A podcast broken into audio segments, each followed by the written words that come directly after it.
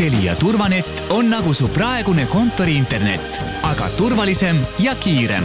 proovi turvanetti kolm kuud soodushinnaga. Telia.ee kaldkriips turvanett. kuku raadios välja öeldud seisukohad ei pea ühtima Kuku raadio seisukohtadega. Te kuulate Kuku raadiot. kahevahel. kahevahel tere, saade Kahevahel alustab, Kuku stuudios on ajakirjanikud Timo Tarve ja Ainar Ruussaar ja meie vahel kaitseminister Kalle Laanet, reformierakondlane, tere. tere päevast. hea Kalle, kui me ei istuks siin reedel, vaid näiteks pühapäeval ja külalissaates, mis laadi muusikat te paluksite siin saates illustratsiooniks endale lasta? võtaks midagi Matverelt väga hea, nii et puhkpillimuusika praegusel hetkel, mõni selline marsirütm oleks praegu vist liiga emotsionaalselt laetud seda küll jah, et äh, ütleme niimoodi, et äh, puhkpillimuusika on selline liiga ergutav see, et kärpekirve kisa üheks sümboliks sai Kaitseväe orkester, see, see tuli teile endale ka ju üllatusena? Mm, ütleme niimoodi, et eks ju teatud kokkuhoiukohad, mida mm, kindral Herem lauale tõi ja, ja ütleme siis niimoodi, et aga eelnevalt informeeris, siis ma olin üsnagi veendunud, et see tekitab äh, ühiskonnas teatud turbulentsust, teatud vastukaja.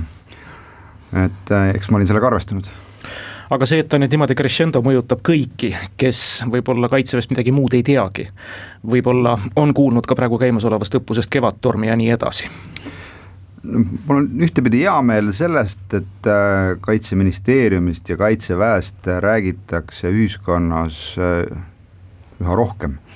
sest äh, olles äh, tõesti ise natukene teises valdkonnas, küll julgeoleku valdkonnas töötanud igapäevaselt, siis see Kaitseministeerium ja Kaitsevägi ja kogu see valdkond on jätnud alati sellise tohutu salajase mulje. ja, ja siis tekibki seesama küsimus, et inimesel, et aga, aga nii salajane värk, ma tahaks nagu saada aru, et, et kuhu ma oma siis maksutulu siis nagu ikkagi maksan, et mis selle eest äh, saadakse ja milline see riigi julgeolek välja näeb ja minu üks selliseid eesmärke, asudes kaitseministri ametisse, mm, oli ja on kindlasti, et äh, me räägiksime rohkem sellest, milline on meie Eesti kaitsevõime, milleks me valmis oleme ja et me oleksime rohkem avatud ühiskonnale, mitte ainult selgitamise poole pealt, aga ka tegevuste poole pealt. See on väga oluline, tõepoolest äh, tänapäeva maailmas ei tohi üheski valdkonnas jääda sellist muljet, et, et see on lõpmatuseni salajane lõpetaks selle, orkestri teema nüüd ära, et oh, kuidas siis jääb, läheb äh, muuseumi alluvusse? üks või kaks orkestrit, mis sellest täpselt saab? ma saan öelda seda, et mida mina olen otsustanud, et, et äh, Kaitseväe orkester jätkab äh, ühtepidi juriidiliselt ta ei jätka, eks ju jah, et aga, aga ütleme sisuliselt jätkab äh, Sõjamuuseumi koosseisus Äh, kas ühendatakse kaks orkestrit või millisel kujul ta täpselt saab olema, seda ei saa öelda politseiniku taustaga kaitseminister, sest ma ei ole selle valdkonna spetsialist, aga ma loodan väga, et äh, lähipäevadel, nädala jooksul, mis iganes, saab see meile selgeks, kuidas see täpselt hakkab välja nägema, aga ma tean väga ma tean ka seda, et, et Tallinna linnapea ja linnavalitsus on avaldanud soovi, et, et nad tahaksid ka omale saada ühte puhkpilliorkestrit. enne kohalikke valimisi. eriti enne kohalikke valimisi, sest see on ääretult oluline uh. Mhm. -huh. et, et meil on olemas selline töörühm kolme ministeeriumi peale, kus on siis äh, Kaitseministeeriumi esindaja, Siseministeeriumi esindaja ja Kultuuriministeeriumi esindaja, et, äh, et ma väga loodan, et nad järgmisel nädalal vast äh, tulevad välja ettepanekuga, kuidas täpsemalt siis see edasiliikumine toimub.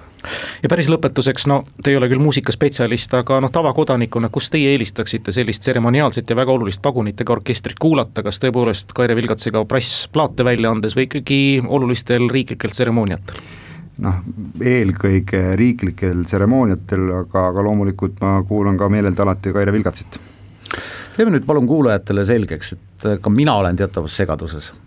kas riigikaitse saab siis raha reaalselt juurde protsentuaalselt, protsendi mõistes või kärbitakse maha?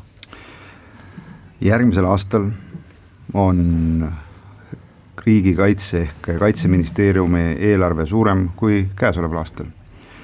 käesoleval aastal on see number kuussada nelikümmend viis miljonit eurot. Järgmisel aastal on see seitsesada kaksteist miljonit eurot.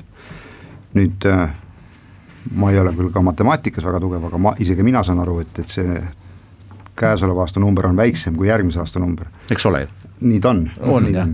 seal, aga vanakurat on alati detailides ja, ja kaitsevaldkonna ja kaitseministeeriumi tegevuste planeerimine on natuke teises rütmis, kui on muude ministeeriumite, ehk kaitseministeeriumis tavapäraselt planeeritakse kaitseministeeriumi arengukava nelja-aastane ja kümneaastane arengukava, mis, mida nimetatakse siis KMAK-iks ja, ja teine on ma-, siis kaitseministeeriumi arengukava ehk MAK ja RKAK, kaks asja.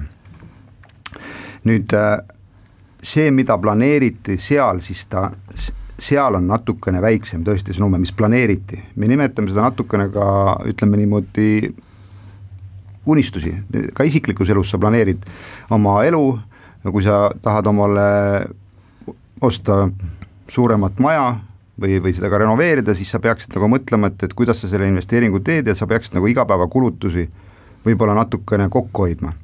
ja täna on ka see olukord, kus äh, on siis valitsuses kokku lepitud, et neid igapäevakulutusi hoitakse kokku selleks, et me saaksime investeerida. summa summarum ei muutu, aga eelarve sees natukene muutub, ehk ehk mõte siis selles, et, et me peame kokku hoidma majanduskuludelt ja personalikuludelt selleks, et me saaksime võimearendusi parandada ja suurendada.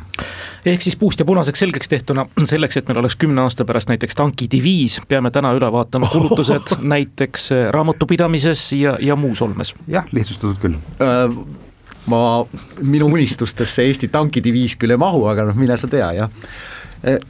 Kärpida eelkõige tuleb siis äh, majanduskuludest, nagu te ütlesite, igapäeva majanduskuludest. tegevuskulud, mis, mis hõlmab siis tõesti äh, personalikulusid ja majanduskulusid, ehk majanduskulud on seesama näiteks autodele küte, näiteks seesama elekter, näiteks seesama lumekoristus, kõik sellised äh, elementaarsed asjad, mis meil igapäevaselt vaja on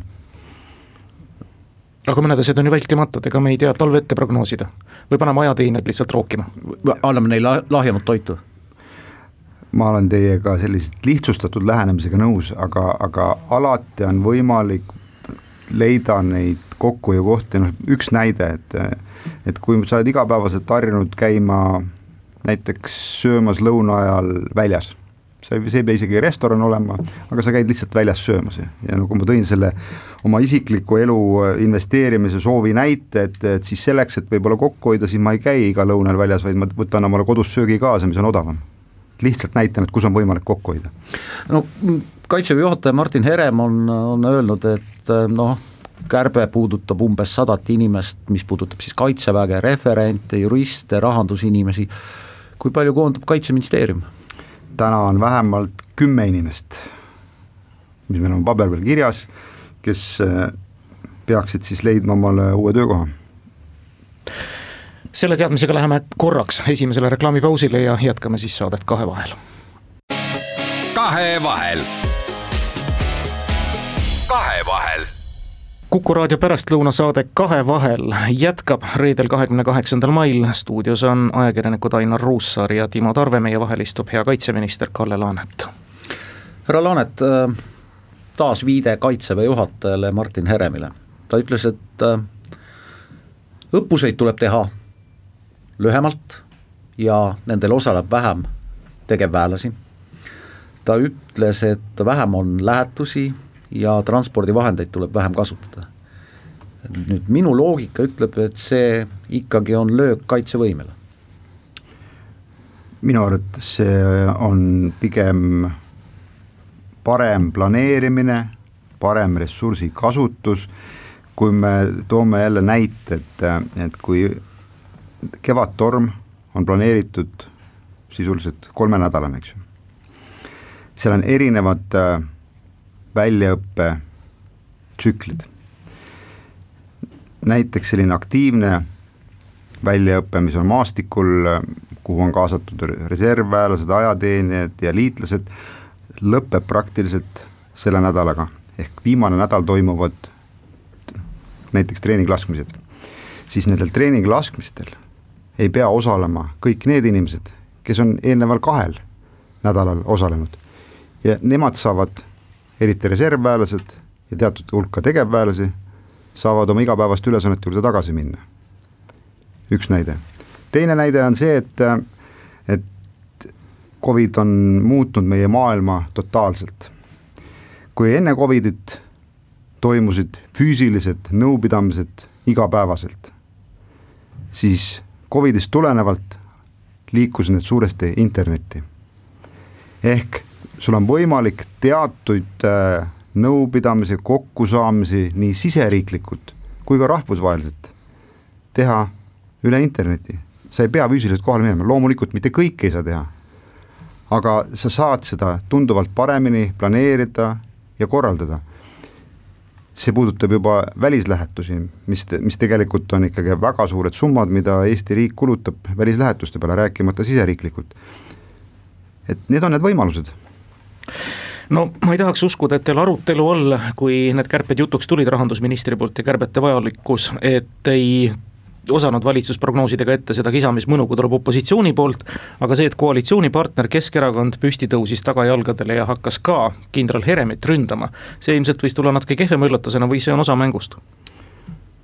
ma väga loodan, et äh, Eesti riigi juhtimisel, juhtimist ei mängita ja, ja noh, ütleme siis niimoodi, et äh, teades ja tundes Jaanus Karilaidu, kes on äh, varasemalt ja kindlasti ka tulevikus oma ütlemistes võib-olla poliitiliselt väga korrektne ja oma arvamuste väljendamises, siis äh, nii see on ja nii, nii, eks see jääb tema südametunnistusele, mida tema arvab. härra kaitseminister, kas te, kas te teate, kui palju ja millise mõnuga Kremli-meelne meedia seda rünnakut Kaitseväe juhataja vastu käsitles?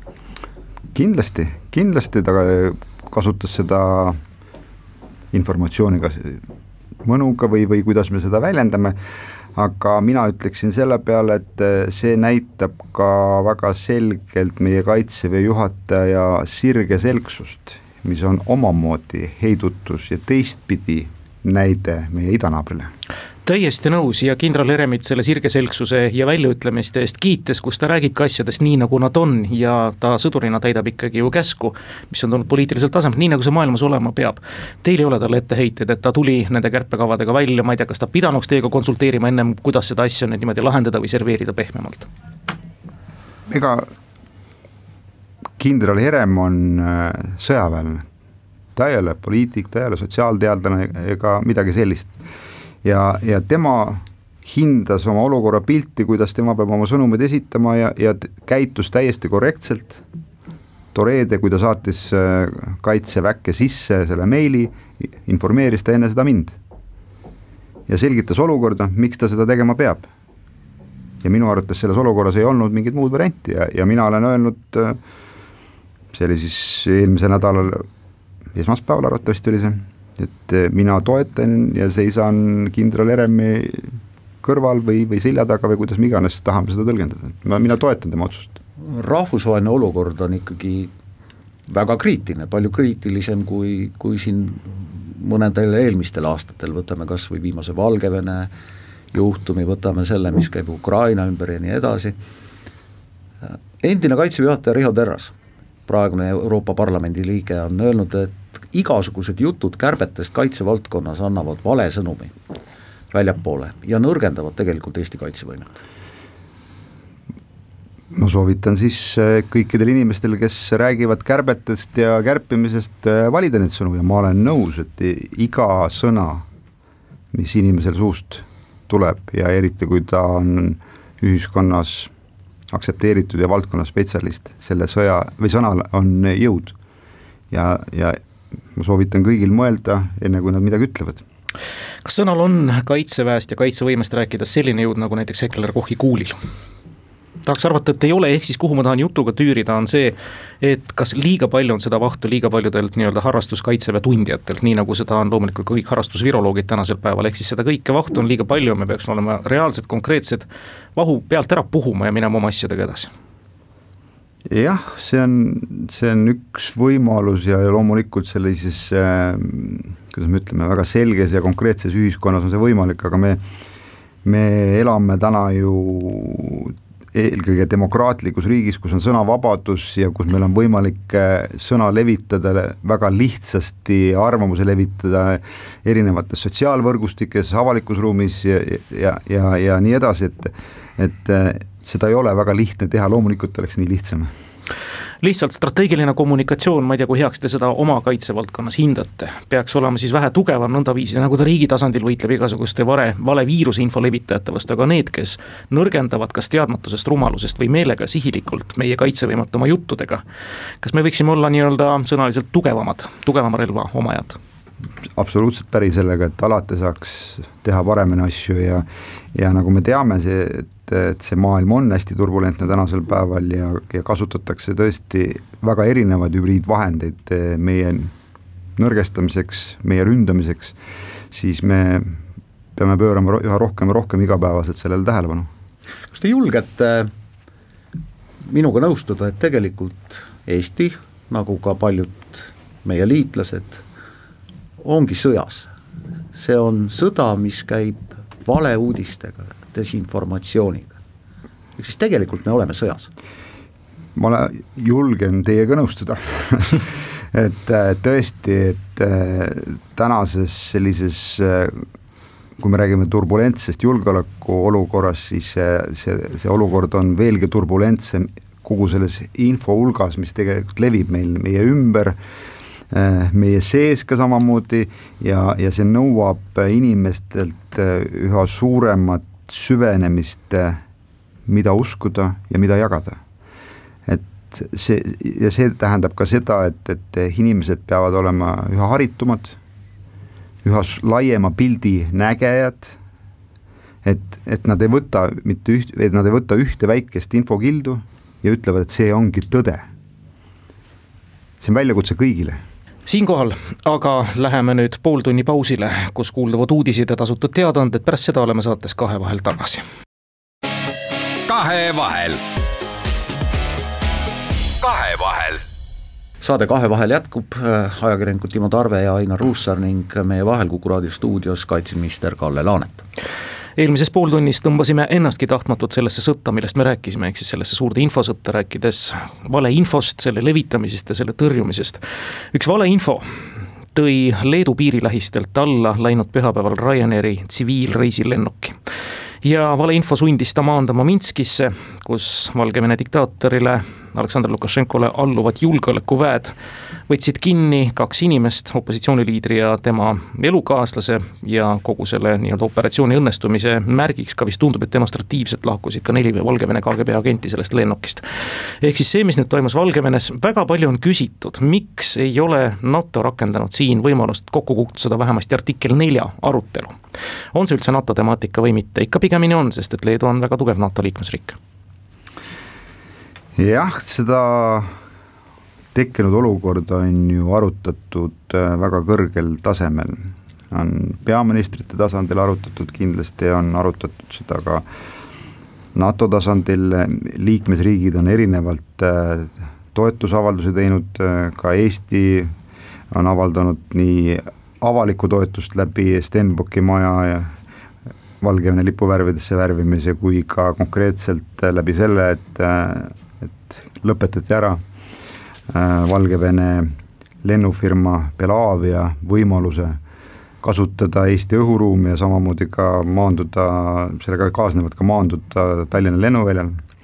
nii et, et äh, kui me võrdleme liikmesriikide, nii NATO kui ka Euroopa liikmesriikide käitumist äh, Tšehhi sündmuste raames, mis toimusid siis küll kaks tuhat neliteist, aga lõhkeainelao plahvatuse võtmes, siis seekord ju tegelikult oli reaktsioon tunduvalt kiirem, tunduvalt selgem ja, ja, ja ma julgen öelda ka isegi tugevamate mõjudega, et äh,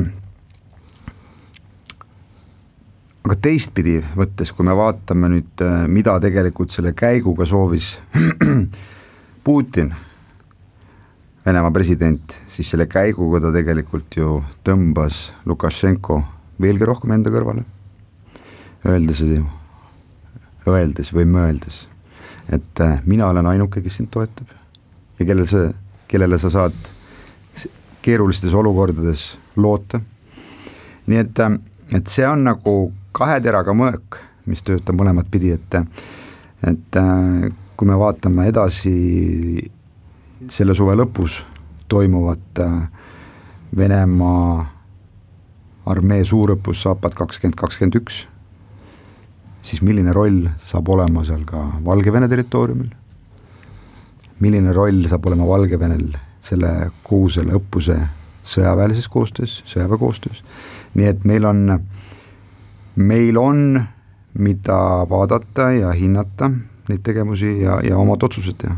Zapad tekitab alati, alati ärevust ja eelmise Zapadi ajal kõlasid isegi äh, noh, päris tuntud NATO liikmesriikide juhtide hääled, et äkki Vene armee ei lähegi Valgevenest enam välja pärast õppust, vaid jääb, jääb sinna kohale.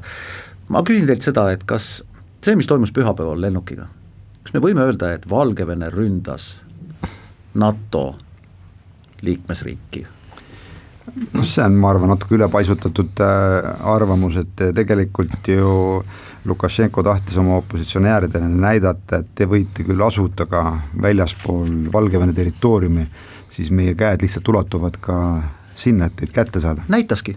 ja ta näitaski, ja ta näitaski mm. -hmm. ja, ja nüüd äh, mina olen kogu aeg äh, olnud sellel seisukohal, mida ma olen jaganud ka, et nii kaua, kuni Lukašenko suudab maksta palka sõjaväele, miilitsale ja teistele jul-, julgeolekuorganitele, ei toimu mitte midagi, mingit äh, poliitilist muutust Valgevenes.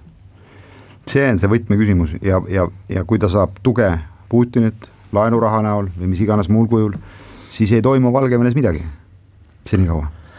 nii et äh, ja, ja, ja loomulikult äh, oli see tema pühapäevane käik ju jõudemonstratsioon väga selgelt. kuhu me tahame koostöös tegelikult..., koostöös Vene julgeolekujõududega see on hea, et te selle välja ütlesite, sest et seda on ju palju kahtlustatud, aga kuhu me tahame jutuga välja jõuda, kas siis on NATO tasemel ja NATO tasandil midagi enamat teha, Stenbocki maja ja Kaarsilla punavalgeks värvimine Protasevitšit vangist välja ei too. aga on mingisuguseid käike või variante, ma jõuan selle artikkel nelja juurde ikka tagasi. või see on ikkagi nüüd see poliitiline teema, millega peaks tegelema Euroopa Liit ja rahvusvaheline kogukond, kes ajab õigust taga? Noh, ma julgen arvata, et tänases situatsioonis on ikkagi tõesti pigem see tegemist äh, rahvusvahelise surveavaldusega nii äh, Valgevene liidrile kui ka teatud mõttes ka ju ka Venemaa liidrile. kindlasti on see teema üleval lähiaegadel nii NATO kaitseministrite kohtumisel kui erinevatel muudel formaatidel ja ma usun, et, et see on ka kindlasti teemana üleval NATO summitil juuni algul või keskel õigemini äh, Brüsselis, nii et, et et siin, siin kindlasti on äh, neid mõjutusvahendeid, kas need ka oma eesmärke saavutavad, lootma peab. ma olen äh, ilmselt pessimist, aga, aga olles jälginud erinevaid konflikte, nendele tehtavaid reaktsioone, siis no ma ei tea, läheb kuu, läheb kaks, läheb kolm ja see asi unustatakse ära, nii nagu on unustatud tegelikult Krimm, nii nagu on unustatud tegelikult Donetsk, nii nagu on unustatud tegelikult Lõuna-Osseetia, nii nagu on unustatud Abhaasia, mis on Gruusia territoorium ja nii edasi, ma ei oleks nii pessimistlik aga kindlasti see on äh, väga tõsine väljakutse ja polariseerumine, sest äh, see on selge ju, et äh, Venemaa koos Valgevenega ikkagi väga selgelt vastandub läänele, aga mis on nagu Valgevene võtmeküsimus, on ju ka see, et, et kuidas nad majanduslikult hakkama saavad, et, et sest sank-, tänu sanktsioonidele, mis siis toovad tegelikult Valgevenele ikkagi väga suurt majanduslikku kahju, et, et see lihtne küsimus on see, et, et kas kas Venemaa suudab seda kahju hüvitada või, või siis ütleme siis balansseerida ja tasakaalustada? Eesti ja Valgevene piire lahutab umbes kaks poolsada kilomeetrit vaid, seda on vähem maad, kui on Rakverest Kuressaarde. Teile allub kaitseministeeriumis kas otseselt või kaude kaks luureorganisatsiooni, välisluure pluss veel ka sõjaväeluure kaude. kas ma võin eeldada, ma muidugi vastust ei saa, et äh, luureorganisatsioonidele on antud karm käsk kätte nüüd kõike seda välja peilida, mis võiks olla Valgevenel tulevikus plaanis, ehk siis meie fookus on selle peal? ma saan kinnitada seda, et äh, minu jaoks on eelhoiatus väga olulise tähtsusega, sest äh, kui me ei tea, milliste riskidega ja mis ajaraamistikus me peame hakkama saama, siis, äh, siis äh, me kombimegi pimeduses. ehk, äh, ehk tõesti on ju meie luureasutustele antud ülesanne, ütleme siis niimoodi, et, et tõmmata rihm pingule ja, ja tuua kõik ära, mis tuua on. ma ei küsi, kuidas, aga ma küsin, kas meil on head silmad sealkandis? mina usun, et, et meie meie julgeolekuasutused tervikuna, nii sisejulgeoleku kui ka välisjulgeolekuasutused äh, on eeskujuks paljudele välisriikide nendest sarnastele asutustele. ma ei jäta, aga lähme minevikku, minevikust on lihtsam rääkida, et äh, kas Eesti, kas Eesti luure või Eesti tollased juhid äh, teadsid, et kaks tuhat kaheksa augustis tuleb sõda Venemaa ja Gruusia vahel? Ma jään selle, selles mõttes selle vastuse võlgu, et, ähm, et mina ei olnud tollel hetkel ei valitsuses, jah, ma olin küll Riigikogus, aga, aga nagu me teame, siis et Riigikoguga ju ei jagata kogu informatsiooni, mis äh, täitevvõimul on. Äh, siin on nagu kaks poolt ka, eks ju, üks pool on see, et, et, et julgeolekuasutustel võib olla informatsioon olemas. küsimus on selles, kas, äh, kas poliitiline tasand seda informatsiooni oskab, soovib ja tahab kasutada. Kas ta oskab õigeid asju küsida? Ja kui me selle teema juba siis võtsime, teeme lõpetuseks ära ka, ega neid asutusi teie alluvuses nüüd mingisugused kärped ei ähvarda või siiski? ma pean üle kordama, et ka teisi asutusi otseselt kärped ju kokkuhoiust me räägime, me ei räägi nagu kärpimisest ja, ja, ja, ja võimestamisest, et me investeerime rohkem. minu eesmärk on võimestada eelhoiatust me läheme siinkohal nüüd viimasele reklaamipausile ja seejärel jätkame juttu kaitseminister Kalle Laanetiga. kahevahel. kahevahel saade Kahevahel täna, reedel, kahekümne kaheksandal mail on jõudnud viimase veerandini stuudios on ajakirjanikud Ainar Ruussaar ja Timo Tarve, meie vahel istub kaitseminister Kalle Laanet. härra Laanet, Postimees kirjutas hiljuti, et kaitseministeeriumi ja siseministeeriumi suhetes on pinged. ja nendeks on kaks peamist allikat Politsei- ja Piirivalveameti kriisireserv ja laevastike ühendamine. on siis pinged, on probleem? minu arvates pinget saab tõlgendada mitmeti, et äh, kui ollakse pinges, siis see tähendab, et ollakse valmis millekski ja millegagi edasi minema. ja mina julgen arvata, et, et see pinge on positiivne Siseministeeriumi ja Kaitseministeeriumi vahel, et et meie mõlema eesmärk, kahe ministeeriumi eesmärk peaks olema ju väga selgelt, et kuidas me suudame Eestile rohkem julgeolekut anda.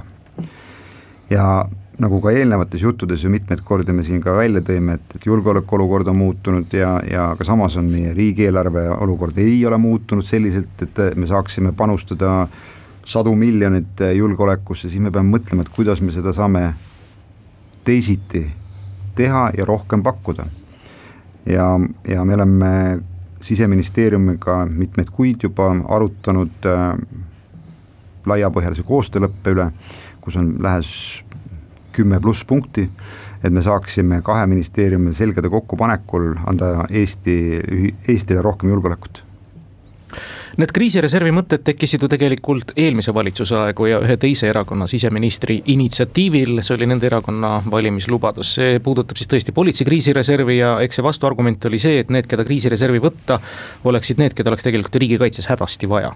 Need argumendid ei ole kuskil kadunud. me ei saa igasse ministeeriumisse luua oma armeed, lihtsustatult öeldes. kui see idee välja käidi, see on ju kaks tuhat kaheksateist äkki või mm, -hmm. oli see käim-, väljakäimine, siis selle aja jooksul on ju reaalselt siis suudetud leida sinna kriisireservi praktiliselt ma arvan, umbes sada vabatahtlikku abipolitseinikut. ja see number, mida soovitakse sinna, on viis tuhat. ja punkt üks, esiteks mina ei näe sellisel kujul seda vajadust ja punkt kaks on see, et, et meil on piiratud reservid eh, eelkõige inimeste näol, kes on valmis vabatahtlikult panustama sellesse samasse kriisireservi näiteks. ja, ja minu arvates ainuke variant on ikkagi täna Eestil see, et, et me, meil ongi, nimetame siis riigi vabatahtlik, selles mõttes, kes on valmis vabatahtlikult panustama ja siis me saame niinimetatud nende kompetentsid ja pädevused paika saada, meil on üleüldine arusaam või andmebaas, tähendab, kes need inimesed on ja sinna taha noh, näiteks Timo, Kalle, Ainar. Ja Kalle on abipolitseinik, Timo on vabatahtlik merepäästja, Ainar on äh, näiteks äh, kaitseliitlane, reservväelane, et ja, ja siis me saame vaadata, kuidas me saame erinevates situatsioonides neid inimesi kasutada, kes on tegelikult vabatahtlikult nõus panustama kui me üritame igasse ministeeriumisse või ka ametkonda tekitada oma vabatahtlikkuse kriisireservi või reageerijate reservi, siis kahjuks meie, meil pole Eestis neid inimesi, noh. et me peame seda jagama kõike, vastavalt sellele, mis olukorras me oleme ja mis ülesanded meil on vaja täita teie alluv kakskümmend aastat Kaitseministeeriumis töötanud praegune asekantsler Meelis Oidsalu käis välja uitmõtte, et Kaitseministeeriumi ja Siseministeeriumi võiks ühendada.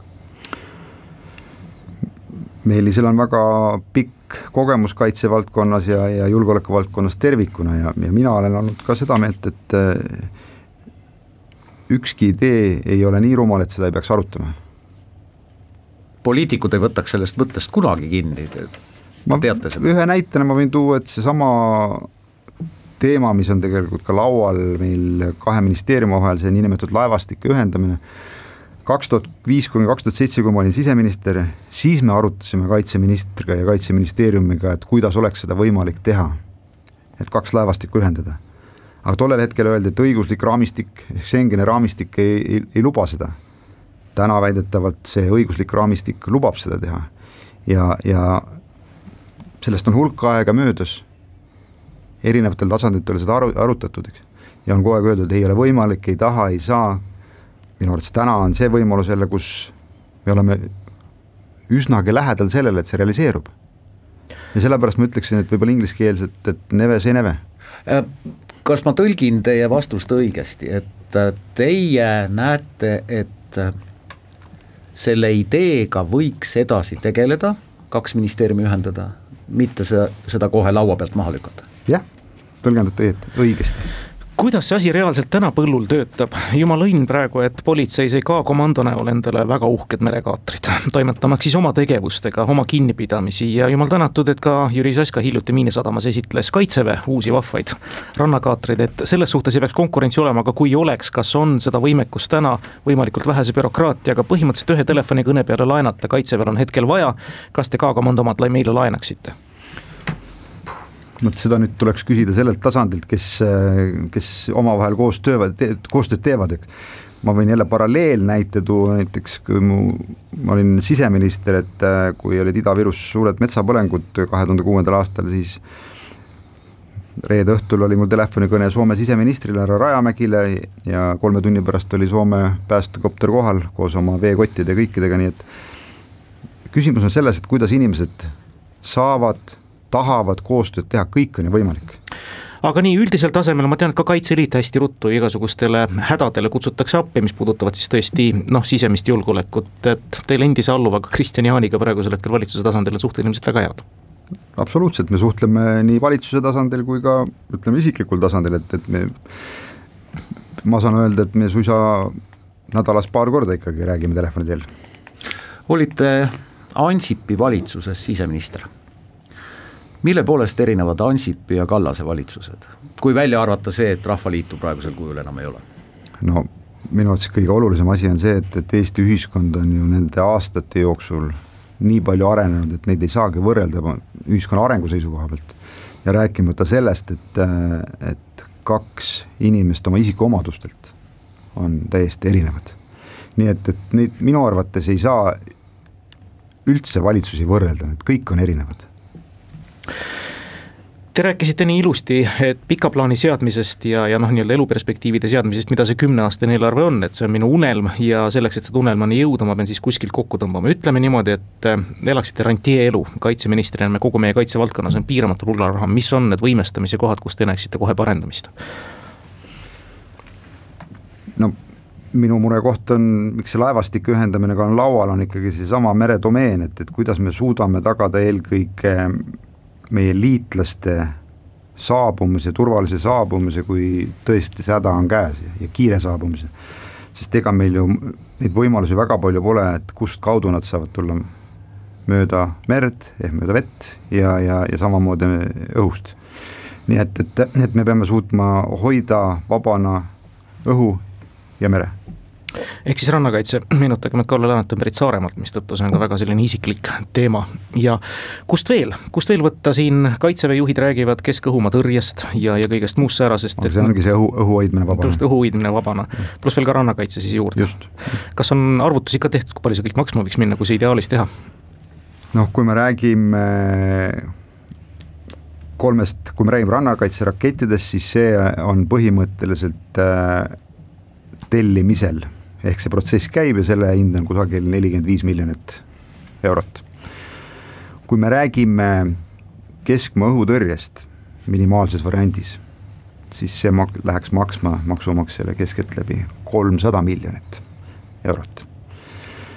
kui me räägime mitmiklasulisest raketikaitsest, mis on MLRS, mille laskekaugus on maksimaalselt kuni kolmsada kilomeetrit, siis selle hinnalipik on suurusjärk äh, sada kuni kakssada miljonit, eks kogu võime arendamised.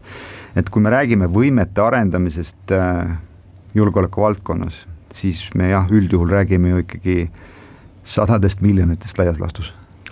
kas meil on selleks vaja et need unistused teoks saaks veel ühte Eston Kohverit. Eston Kohveri juhtumise järel hakkas juhtuma ka Eesti piiril, mida nüüd lõpuks ometi hakati ehitama, see oli otsene päästik ja ajend minu arvates me peaksime suutma ühiskonnale lahti seletada meie julgeolekuohud ja miks meil on vaja ühte või teist asja, noh, oma kaitseks.